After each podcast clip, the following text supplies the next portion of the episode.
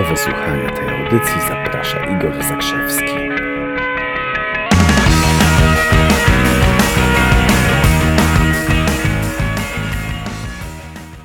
Dzień dobry.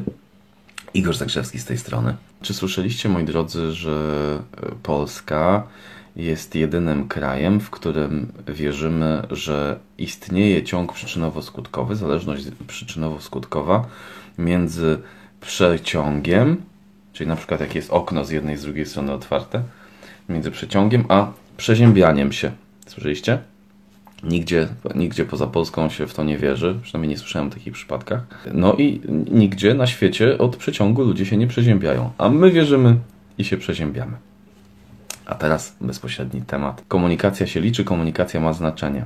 Dzisiaj wziąłem książkę e, prezeski Facebooka, Sheryl Sandberg i bardzo mnie urzekła jedna rzecz. Otworzyłem na, otworzyłem na losowej stronie i urzekła mnie jedna rzecz. Urzekło mnie tam pewne zdanie na temat podstawowej, fundamentalnej zasady komunikowania się.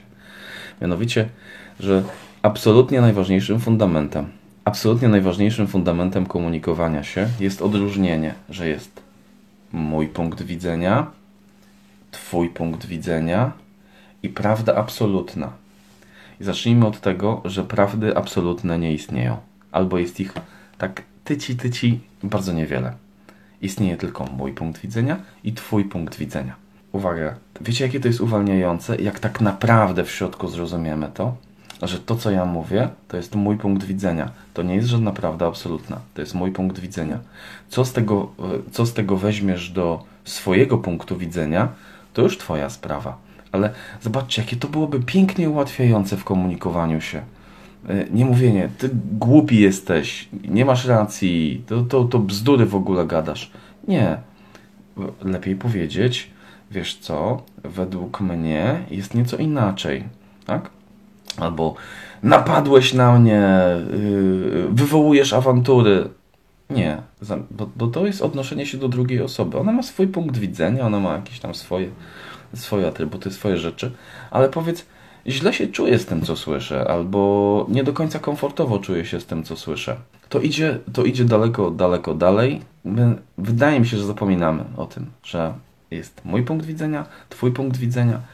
I tak jak sobie patrzę, tam zaglądam sobie po mediach społecznościowych na jakieś Twittery i inne, inne rzeczy, ile tam leci, ile tam leci takich, wiesz, grubych ataków, tak jakby było więcej tych prawd, takich absolutnych, niż jakieś, niż jakieś takie niezbędne minimum, nie ma. Więc tak, tak zachęcam bardzo serdecznie do przysłuchiwania się temu, do takiego świadomego uczestniczenia w komunikowaniu się.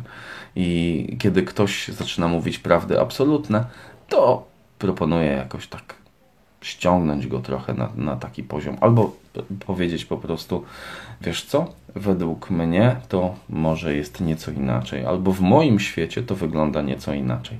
I zachęcić tego drugiego człowieka, żeby tych prawd absolutnych używał mniej, pamiętając o tym, że istnieje tylko Twój punkt widzenia, mój punkt widzenia i tyle.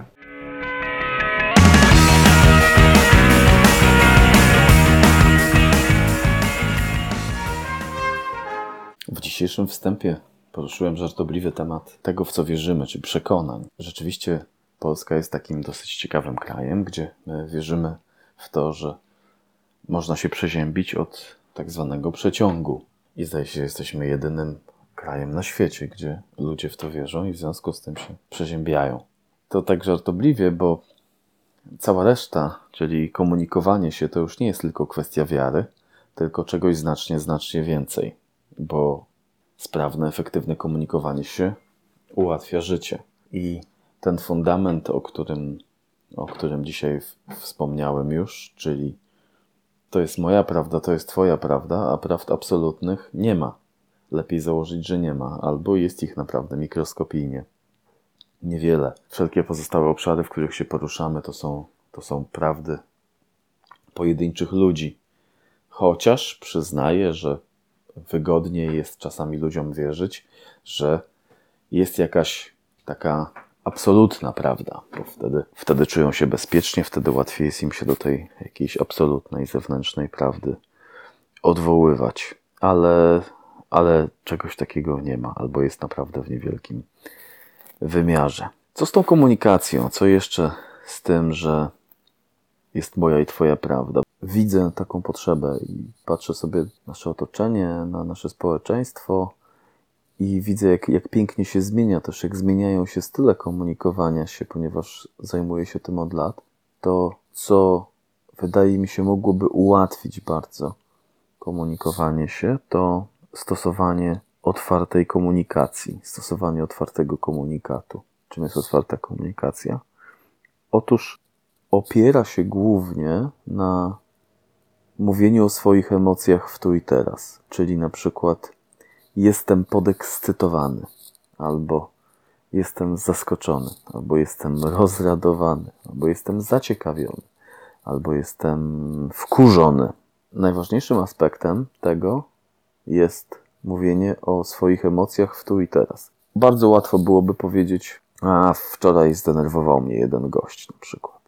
Albo wczoraj ucieszyłem się, bo przyjechali do mnie znajomi. Albo tydzień temu byłem kompletnie zaskoczony faktem, że takie konstrukcje przychodzą nam z łatwością, bo kiedy mówimy o emocjach nie w tu i teraz, tylko mówimy w jakiejś perspektywie czasowej, dawnej perspektywie czasowej, sprzed tygodnia, miesiąca, tygodnia, miesiąca, czy jeszcze dalej, to jest nam to łatwiej, ponieważ nie przeżywamy tej, tych emocji, ponieważ nie przeżywamy tych emocji i odsuwamy je od siebie.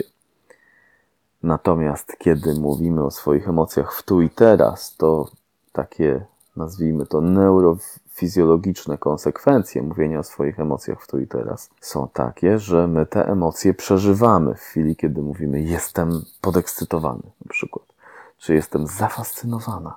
To te emocje, wsadzając w tu i teraz, my je przepuszczamy przez siebie i odczuwamy. I kiedy patrzę sobie, to, to jest niezwykły, to jest niezwykły krok milowy, który możemy zrobić w Polsce ku temu, żeby komunikować się w przyszłości z naprawdę niewielką liczbą konfliktów, bo one się zdarzają, one i tak się, one się będą zawsze zdarzały. Konflikty będą zawsze. Tylko pytanie jest z jaką klasą i z, jakimi, z jakim nastawieniem do rozwiązywania konfliktów podejdziemy. Bo one będą tak czy tak.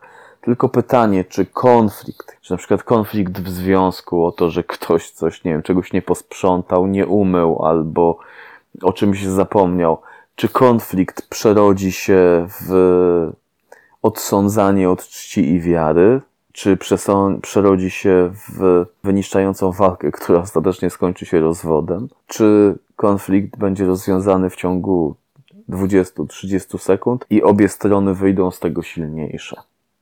Widząc kilka kroków w ewoluowaniu komunikacji, widzę, że z całą pewnością jednym z tych elementów jest mówienie otwarte o swoich emocjach. Jeszcze raz tak, patrząc sobie z dystansu, czy śledząc media społecznościowe, czasami zaglądając na, na Twittera, zaglądając na Facebook i przyglądając się takim wpisom, które są postrzegane jako kontrowersyjne albo po prostu komuś się nie podobają, z całą pewnością można zauważyć, że jakość dyskusji, jakość odnoszenia się do tych postów jest specyficzna.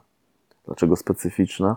Ano dlatego, że argumentują tam bardzo osobiście, atakują innych bardzo osobiście. To oczywiście nie sprawia, że komuś się nagle zmieni punkt widzenia, bo nie wiem, czy wyobrażacie sobie, że ktoś nazwany debilem, idiotą, kretynem nagle stwierdzi, drogi adwersarzu, no naprawdę szczerze przekonałem, szczerze ci przyznam, że przekonałeś mnie do swoich argumentów. Nie, no po czymś takim ludzie okopują się na swoich stanowiskach, okopują się w swoich miejscach i nie zrobią kroku do przodu. Zachęcam do pomyślenia sobie o tym, że jeżeli kogoś atakujemy, tak naprawdę utrudniamy możliwość dogadania się w przyszłości. I jeszcze jedna rzecz, która z tym jest związana, to niesłychanie ważne. Nie uczą tego w szkołach, a powinni, że komunikujemy się zawsze z myślą o celu. Większość zdań, które wypowiadasz, albo każde zdanie, które, musisz, które wypowiadasz, musi przechodzić przez test po co. Ja to tak nazywam test po co. Czyli w chwili, gdy ty coś powiedziałeś i ktoś by zadał ci pytanie, po co to mówisz, to ty jesteś w stanie odpowiedzieć, to się trzyma kupy i dodatkowo jest to dobre, wspierające, sensowne, rozwojowe, krzepiące, otwierające coś zarówno dla ciebie, jak i dla tej drugiej osoby, czy osób, do których mówisz. Czyli test po co. Dla mnie komunikacja musi spełniać test po co. Jeśli nie spełnia tego testu, zupełnie nie jestem zainteresowany, żeby takie słowa wypływały z moich ust. Czyli każde wypowiadane zdanie jest po coś. Życzę powodzenia w zyskiwaniu kolejnych kompetencji komunikacyjnych. Serdecznie pozdrawiam. Zapraszam na moją stronę internetową www.igorzakrzewski.pl. Do usłyszenia.